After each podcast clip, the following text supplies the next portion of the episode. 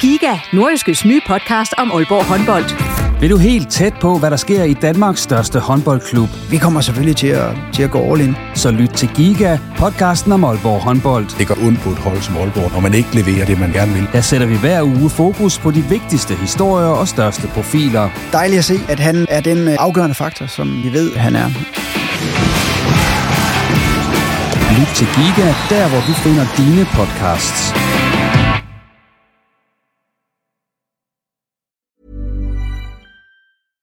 Ready to pop the question? The jewelers at BlueNile.com have got sparkle down to a science with beautiful lab grown diamonds worthy of your most brilliant moments. Their lab grown diamonds are independently graded and guaranteed identical to natural diamonds, and they're ready to ship to your door. Go to BlueNile.com and use promo code LISTEN to get $50 off your purchase of $500 or more. That's code LISTEN at BlueNile.com for $50 off. BlueNile.com code LISTEN. Many of us have those stubborn pounds that seem impossible to lose, no matter how good we eat or how hard we work out. My solution is PlushCare. PlushCare is a leading telehealth provider with doctors who are there for you day and night to partner with you in your weight loss journey. They can prescribe FDA-approved weight loss medications like Wagovi and Zepbound for those who qualify. Plus, they accept most insurance plans.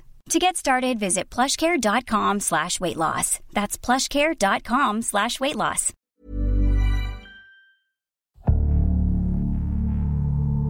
Det er en tidlig lørdag morgen i slutningen af oktober 2007. En 19-årig mand er på vej hjem fra en fest omkring kl. 6. Han er på vej forbi Aalborg Stadion, da han ved indgang nummer 6 i stadionets sydøstlige hjørne ser en person, der til synlædende ligger og sover. Den 19-årige undrer sig. Det er koldt her i slutningen af oktober.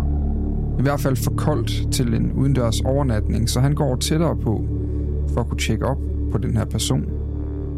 Da han kommer tæt på, kan han se, at tøjet er plettet af blod. Manden har voldsomme skader i ansigtet, og der er ingen bærtrækning. Den 19-årige ringer omgående til politiet, som kort efter ankommer og afspærrer stedet. Få timer senere udsender Nordjyllands politi en pressemeddelelse, hvor i de skriver, at de har fundet en mand med så slemme skader, at de går ud fra, han er blevet gennembanket og skudt.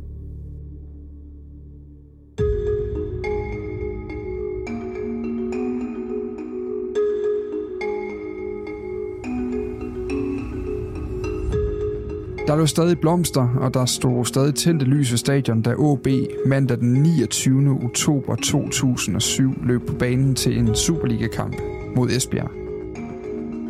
Bare to dage forinden var en 48-årig lokal musiklærer blevet fundet død. Udsat for vold af så bestialsk en karakter, at politiet først troede, der var tale om et skuddrab. Det var der ikke.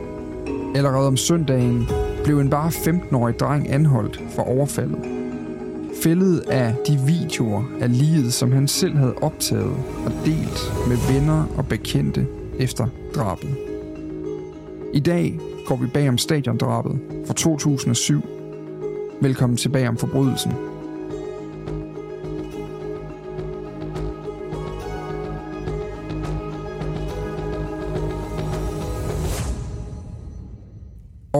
Vi er jo som altid øh, nordjyskes kriminalreporter Jesper Ramsing og jeg selv, Dan Grønbæk. Øhm, hej Jesper.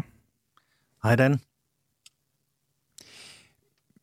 Det her drab fyldte jo egentlig rigtig meget dengang. Altså jeg boede på det tidspunkt ikke i Nordjylland. Jeg boede på, øh, på Fyn. Jeg har været 17 år gammel og kan, kan tydeligt huske øh, den der øh, fornemmelse af, at, at dagsordenen var fyldt af den her kriminalhistorie på det tidspunkt. Her gerningsmand eller... Øh, eller gerningsdreng, burde vi vel nærmest sige. Øh, det kommer vi tilbage til senere.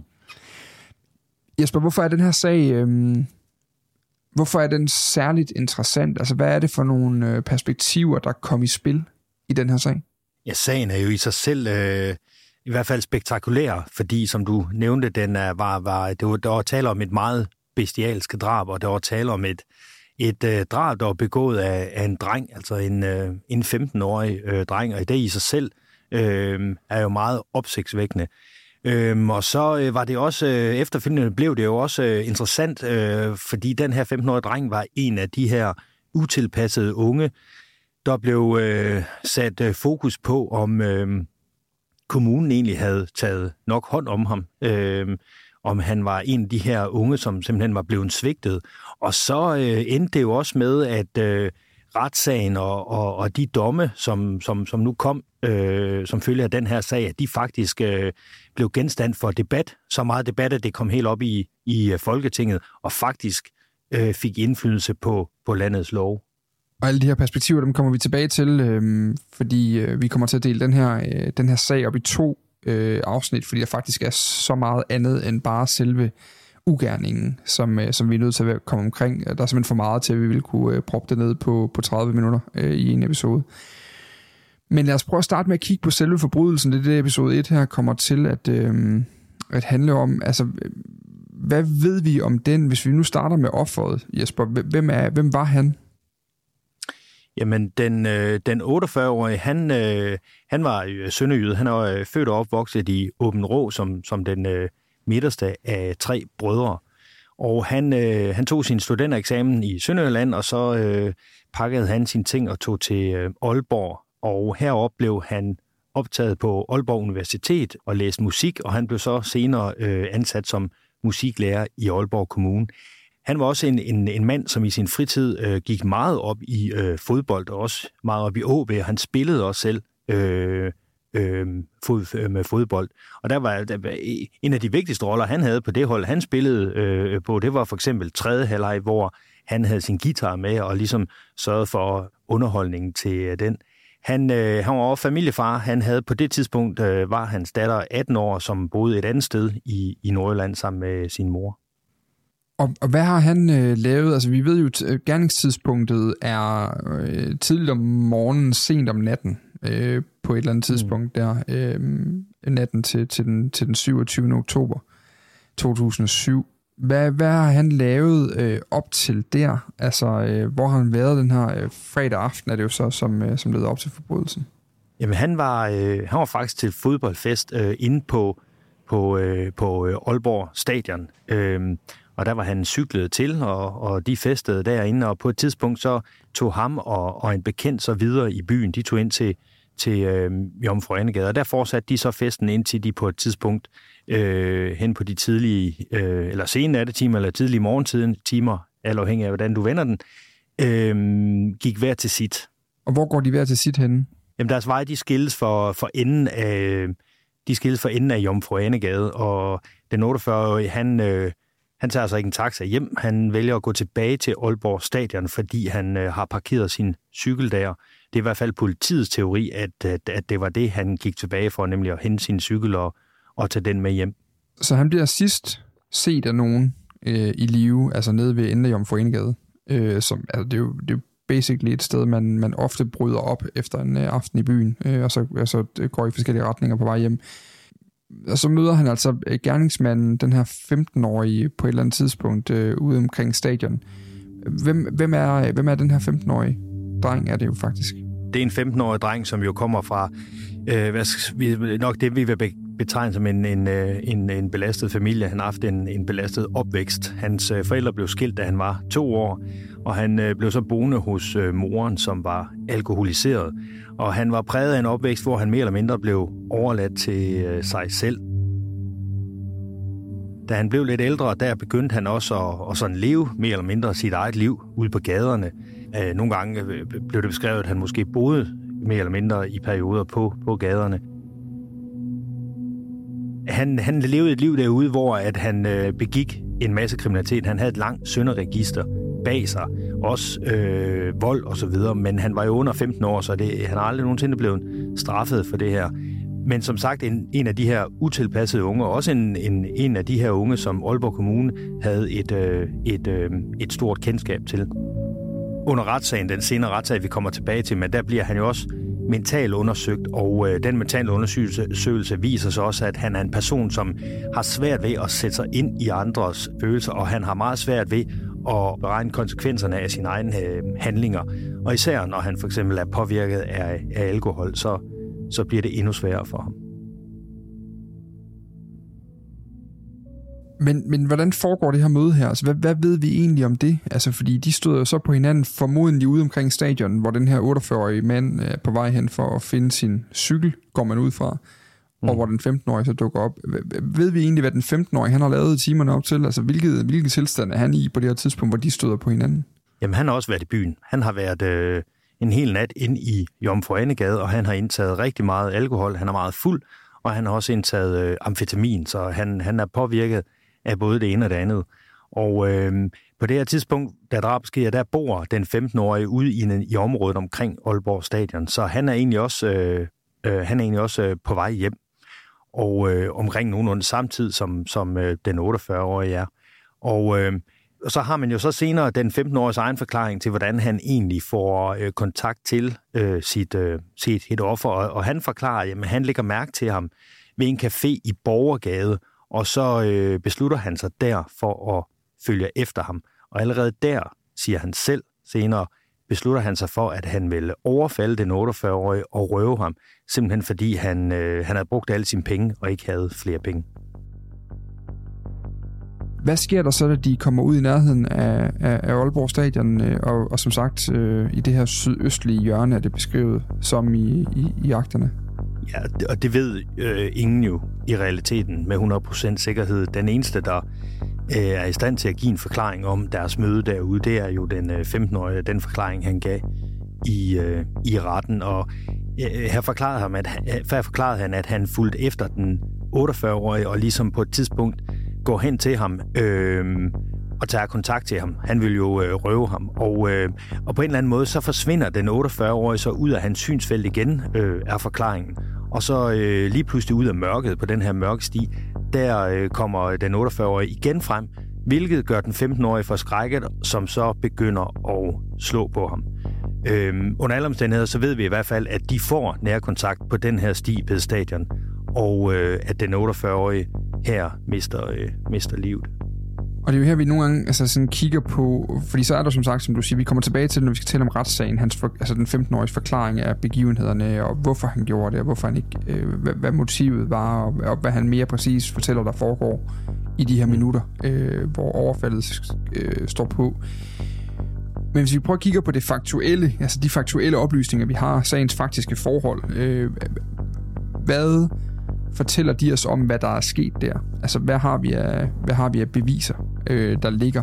Ja, men helt konkret, det som blev fremlagt af beviser i øh, retten, var jo, at den 48-årige har enormt voldsomme skader som følge af vold. Den 15-årige var på et tidspunkt inde og forklare om, at der måske havde været en, et form for slagsmål, at den 48-årige også havde slået ud efter ham.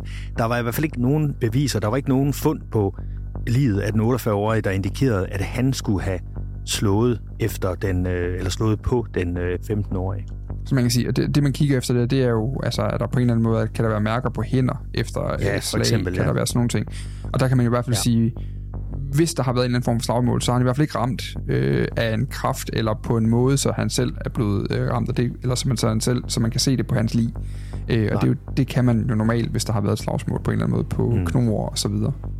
Men nu er du inde på det her med skaderne på den 48-årige. Altså, det er jo så der, vi har i virkeligheden de fleste faktiske forhold fra, fra det her møde her. Og, og det er et sted, hvor vi jo også skal... Øh, altså, jeg kan godt sige, at de er af en karakter, hvor vi også skal moderere, hvad det er, vi siger. Ja. Men hvad er det, øh, hvad er det man finder ud af, da man obducerer efterfølgende? Hvad er det, man, øh, man finder? Jamen, den 48-årige har været udsat for så massiv vold. Altså, han har så voldsomme skader i ansigtet, at han kan være død af, af tre ting, viser obduktionsrapporten øh, samtidig egentlig. Altså, han har, han har et ansigt, der er øh, knust, og han har dødelige skader på hjernen, og samtidig så har han også øh, blod i lungerne. Og volden var så omfattende, og skaderne var så voldsomme, at politiet jo, som du sagde i indledningen, i første omgang faktisk troede, at øh, den 48-årige, han var, han var blevet skudt.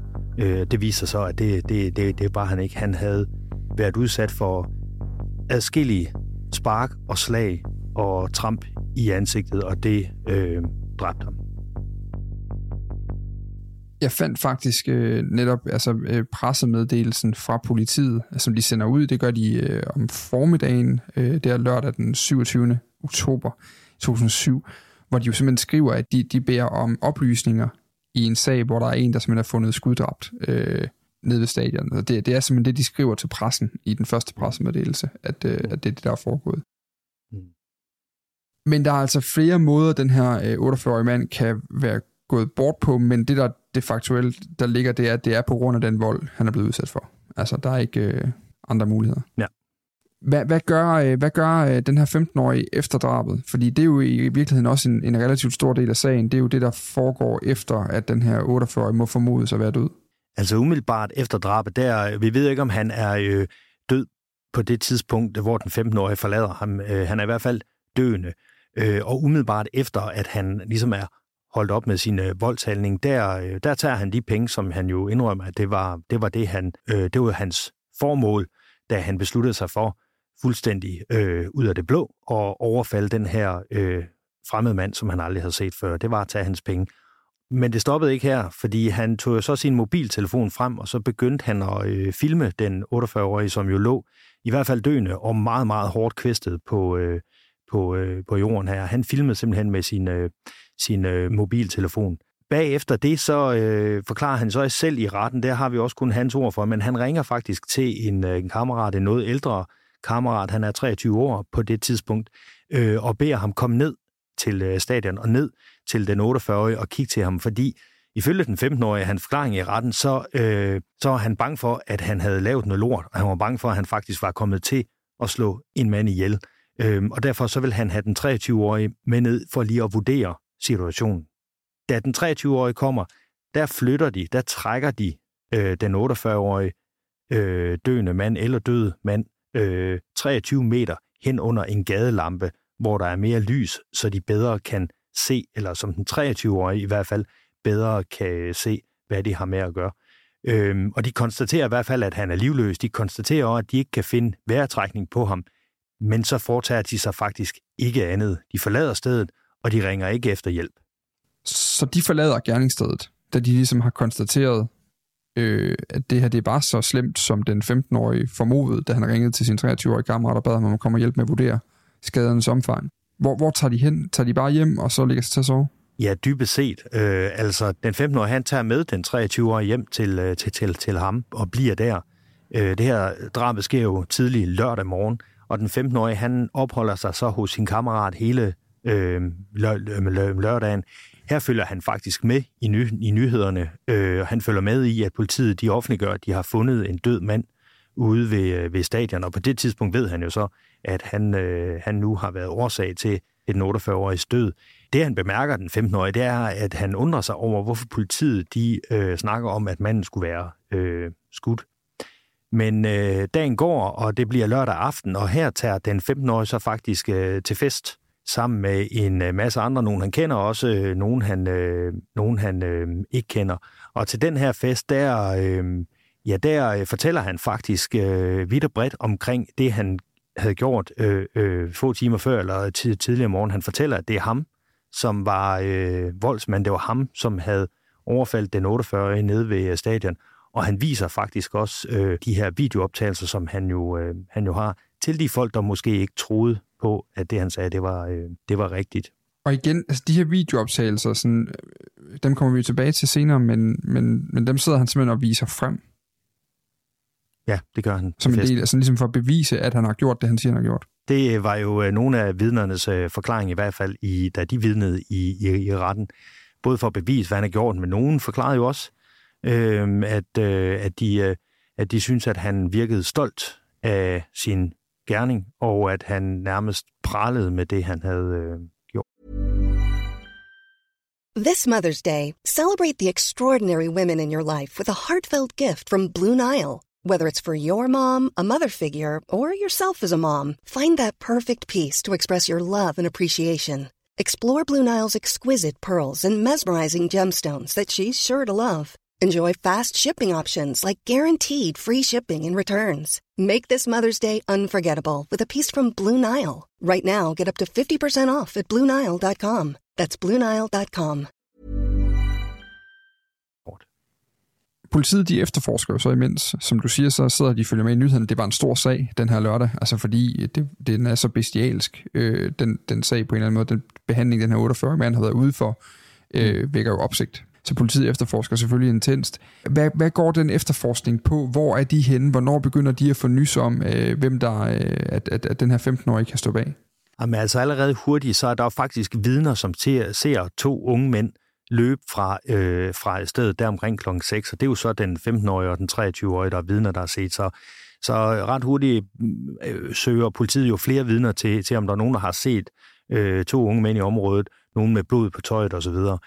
Men, øh, men det er et tip til politiet, som øh, fører, fører til anholdelsen af, af den 15-årige, og også den 23-årige, som bliver anholdt sammen med ham i første omgang. Øh, og det sker jo dagen efter, og man kan sige, at det tip, det kan jo komme alle mulige steder fra. Øh, den 15-årige har ikke lagt skjul på til festen, at det var ham, der var øh, gerningsmand til det her, og der er flere, der har set det. Så på et eller andet tidspunkt, så, så når den information altså også politiet, som så øh, kan skride til anholdelse. Og det er altså så søndag den øh, 28. oktober, øh, politiet anholder den her, øh, den her 15-årige dreng og den 23-årige mand. Hvordan reagerer de på anholdelsen? Den 15-årige, han, øh, han, øh, altså, han nægter drab, og det har han sådan set gjort hele vejen igennem, men han med det samme til politiet fortæller han sådan set det, han også ender med at fortælle i retten, nemlig at ja, det er rigtigt, han, øh, han overfaldt den 48-årige, og han øh, udsatte ham for, for også ret, omfattende vold. Han forklarer også, at øh, det gjorde han, fordi han, øh, han havde brugt sin penge, så han øh, havde udset den 48-årige som et offer, øh, som han ville slå ned og røve. Den forklaring kommer faktisk øh, ret hurtigt, så han, han erkender sig jo ret hurtigt skyldig i, i vold, om ikke andet. Så kommer vi jo så altså så til, til, til retssagen, og der er det kun den 15-årige dreng, der sidder på anklagebænken. Øhm, mm. Den 23-årige er på det her tidspunkt blevet, øh, blevet løsladt. Det bliver han relativt hurtigt efter, men han, han, øh, han er øh, af krogen for, for selve overfaldet og, øh, og drabet på den her 48-årige mand. Hvad er den 15-årige? Nu hørte vi før, han, han erkender, han har overfaldet ham. Han siger også, hvorfor det handlede om, at han skulle finde nogle penge. Han havde brugt sine egne penge øh, og havde ikke flere, og havde udset ham som et offer. Men, men hvad er han tiltalt for, da han sidder på anklagebænken øh, der i byretten? Øh, jamen, han er tiltalt for, for manddrab, og han er tiltalt for røveri af, af særlig grov karakter. Og hvordan forholder han sig til det? Altså, han holder fast i på det tidspunkt, at han at han hvad? Altså, at han, han, han erkender vold, eller øh, hvad, hvad, hvor er vi henne i hans eget øh, syn på, på den, den anklage? Han, øh, han erkender vold øh, og nægter drab. Han, han, siger, han sagde selv i retten, at øh, det var ikke meningen, øh, at, øh, at han ville slå ham ihjel. Det var meningen, han ville slå ham ned. Han vil altså udøve vold mod ham, og så vil han tage hans penge. Øh, så den del erkender han, men, men, øh, men, men nægter øh, drab. Og nu var vi jo inde på det før, da vi talte om, hvad der faktisk er sket, altså de faktiske forhold øh, i den her forbrydelse, at, at vi ved det jo ikke. Altså, der er ikke nogen andre, der er nogle vidner, der efterfølgende ser de to mænd løbe væk. Der er en 19-årig mand, der opdager livet af den 48-årige mand øh, der om morgenen, og mere politiet. Men der er jo ikke nogen, der har, har overværet, øh, hvad kan man sige, selve forbrydelsen, selve ugerningen. Hvilke tekniske beviser har man egentlig for, altså, for hvad der er foregået i de her minutter? Obduktionsrapporten er jo, er jo selvfølgelig altafgørende for ligesom at sige, hvilken form for vold den 48 han har været udsat for. Øh, og det er, jo, øh, det er jo ikke sådan, at man kan sætte præcis antal slag og præcis antal spark og præcis antal tramp på, men det er adskillige, og det er med meget stor kraft, og det siger også sig selv, når øh, skaderne er så voldsomme, at man kan lave så alvorlige skader på hjernen og på ansigt, at mm, politiet i første omgang tror, at der faktisk er tale om et, et skuddrab. Og de tekniske beviser, de bliver jo støttet sådan et stykke hen ad vejen af den 15-åriges forklaring selv, fordi han forklarer jo i retten, at han slår og sparker den, den, den, den, den 48-årige. Øh, og det gør han mange gange, og på et tidspunkt så kommer den 48-årige så ned på jorden og, og ligger. Og her forklarer den 15-årige faktisk, at mens den 48-årige ligger nede på jorden, der sparker han ham et sted mellem 5 og 15 gange i ansigtet med, øh, øh, med et vristspark, som han faktisk siger. Øh, så han erkender jo, at han har udøvet øh, øh, også øh, rimelig om, omfattende vold, og det stemmer overens med, med, med, med obduktionsrapporten. Og så bliver jo spørgsmålet jo, når det er en drabsag, jamen den her vold, var den så omfattende, at det er drab? Altså er den så omfattende, at selvom du fra starten ikke havde til hensigt, direkte hensigt at slå ihjel, så må du på et tidspunkt have anset det for overvejende sandsynligt, at hvis du fortsætter den her voldshandling, så ender det med, eller kan ende med, at, øh, at personen på jorden dør af det. Og øh, så er man ude i det, der hedder sandsynlighedsforsætter, så er det jo så nok til at bedømme, eller blive dømt for drab. Ikke? Så det, det, det blev afvejning. Det var, jamen, var det her en, var det her en grov voldshændelse, eller var det så grov voldshændelse, at, at det faktisk skal dømmes som drab?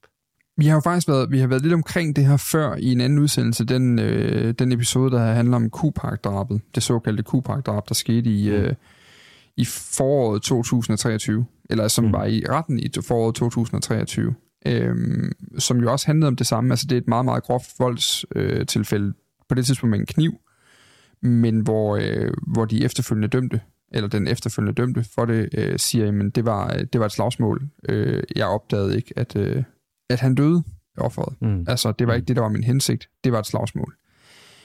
Hvor, hvor går grænsen hen? Fordi det, er det, det, nu er du i det her med sandsynlighedsforsæt. Altså, det her, du, vi har lige sagt, at han erkender, at han har sparket ham mellem 5 og 15 gange i ansigtet, hvor han ligger ned, efter at allerede have udsat ham for vold på det tidspunkt.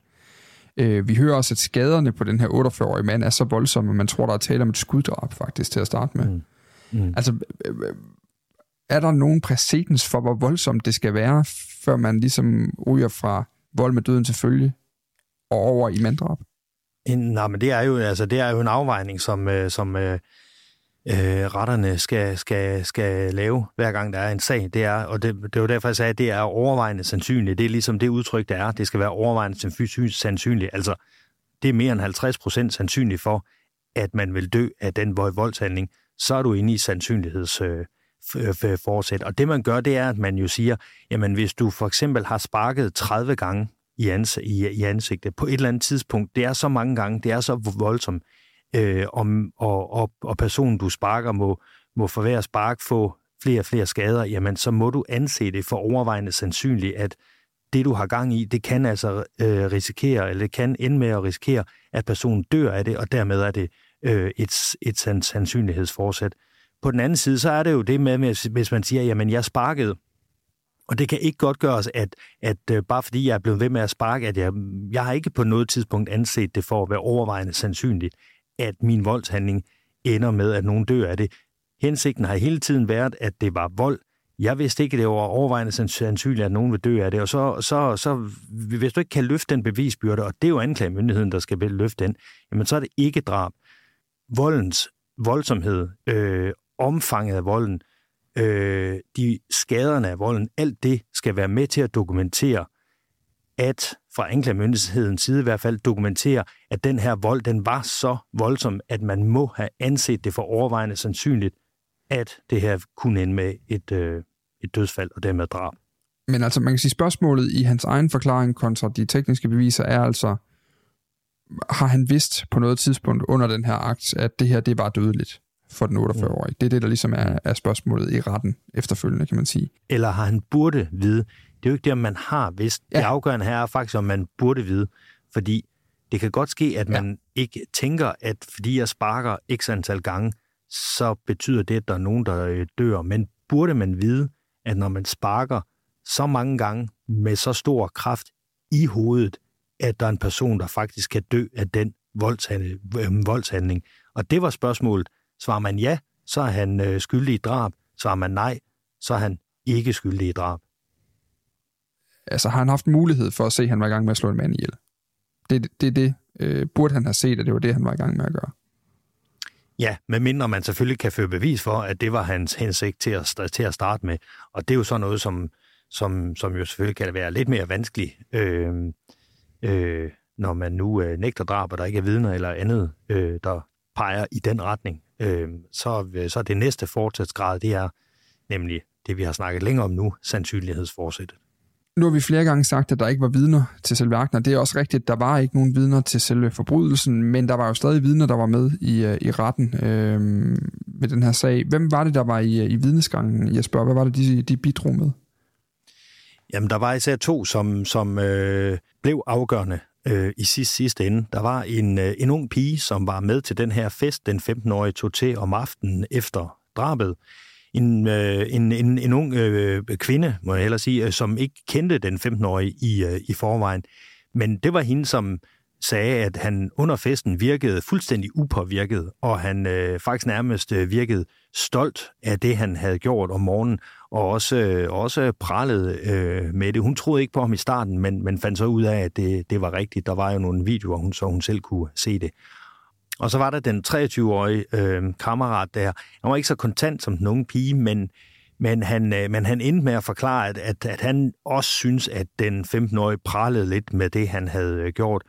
Og så forklarede han faktisk, at den 15-årige havde fortalt ham efter drabet, at grund til, at han blev ved med at sparke den 48 i hovedet, mens han lå ned og var hårdt kvistet, var fordi, at den 48-årige, han sagde nogle gurlelyde. Det kunne den 15-årige simpelthen ikke holde ud og øh, høre på og vil have ham til at stoppe, og derfor så blev han simpelthen øh, bare ved med at sparke på ham, indtil han øh, til sidst stoppede.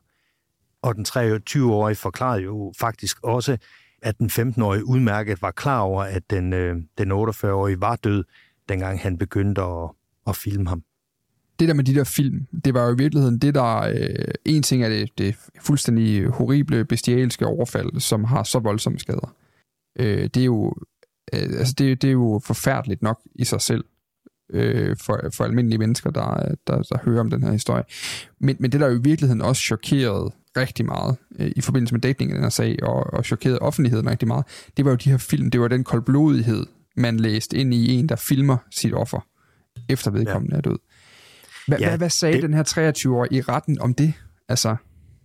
Jamen, det var jo retten, at det kom frem, at... Øh, altså, man kan sige, du har ret, at det her, det var jo... Øh, det chokerede alle, at det var et barn, der havde tæsket en familiefar i ihjel. Fuldstændig tilfældigt fuldstændig meningsløst. Det i sig selv var jo øh, gruopvækkende. Det ekstra lag kom, da, da de her informationer om, at han havde filmet det, og måske endda havde trukket livet eller den døende mand 23 meter hen under lampen, så han kunne få et bedre lys til sin film, de kom frem. Der øh, tog historien jo, kan man sige, sagen en øh, øh endnu nye øh, højder. Men lige præcis hvad angår optagelserne og med øh, at trække den 48-årige hen under lys osv., det var under retssagen, at det kom frem, at han blev ikke trukket hen under lyset, fordi at de skulle have bedre lys til at øh, filme. Han blev trukket hen under ly- lyset, da den 23-årige kom og skulle øh, vurdere de her skader, øh, den 48-årige havde. Filmen, den, øh, den havde den 15-årige stået for selv, inden at, øh, at de havde flyttet på, øh, på livet. Og den 15-årige forklarer jo, at han optog den her video og sende til den 23-årige, fordi at han vil øh, have ham til at, at komme ned og, øh, og hjælpe. Hvad ender det her med i byretten, Jesper? Altså, hvad ender han med at blive, øh, blive dømt for? Vi ved jo så ligesom, at hans egen version, det er, øh, det var et øh, voldsomt overfald, fordi han ville røve nogle penge.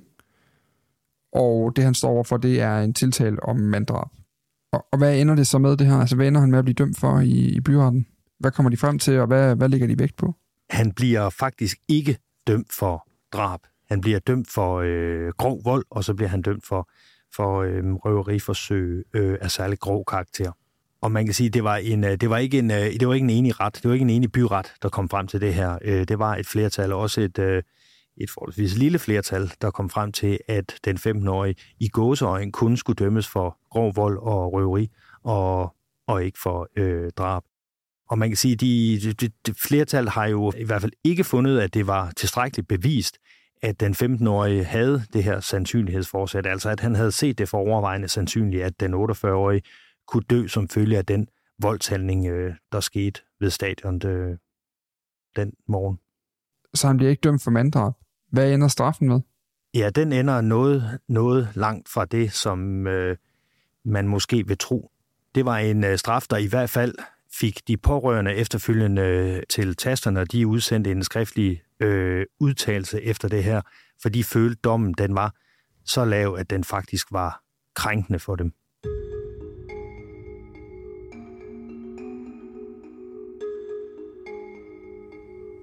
Hvad dommen blev, og hvad der står i den der udtalelse, og rigtig meget mere, det kan du høre i næste afsnit, hvor vi øh, kigger på efterspillet af stadiondrabet, og det er altså ikke mindre interessant end, øh, end det, der foregik.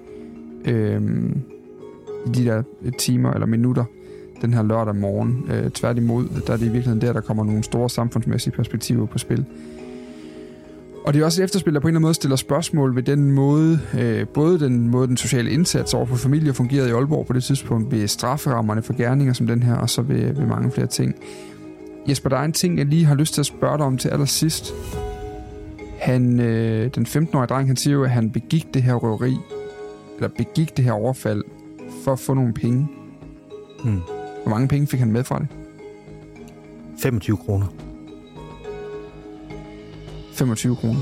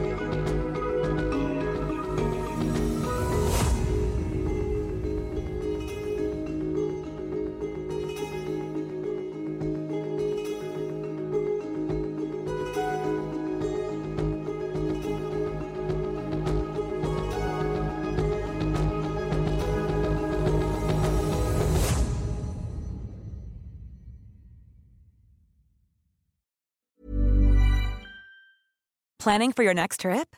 Elevate your travel style with Quince. Quince has all the jet setting essentials you'll want for your next getaway, like European linen, premium luggage options, buttery soft Italian leather bags, and so much more. And is all priced at 50 to 80% less than similar brands. Plus, Quince only works with factories that use safe and ethical manufacturing practices.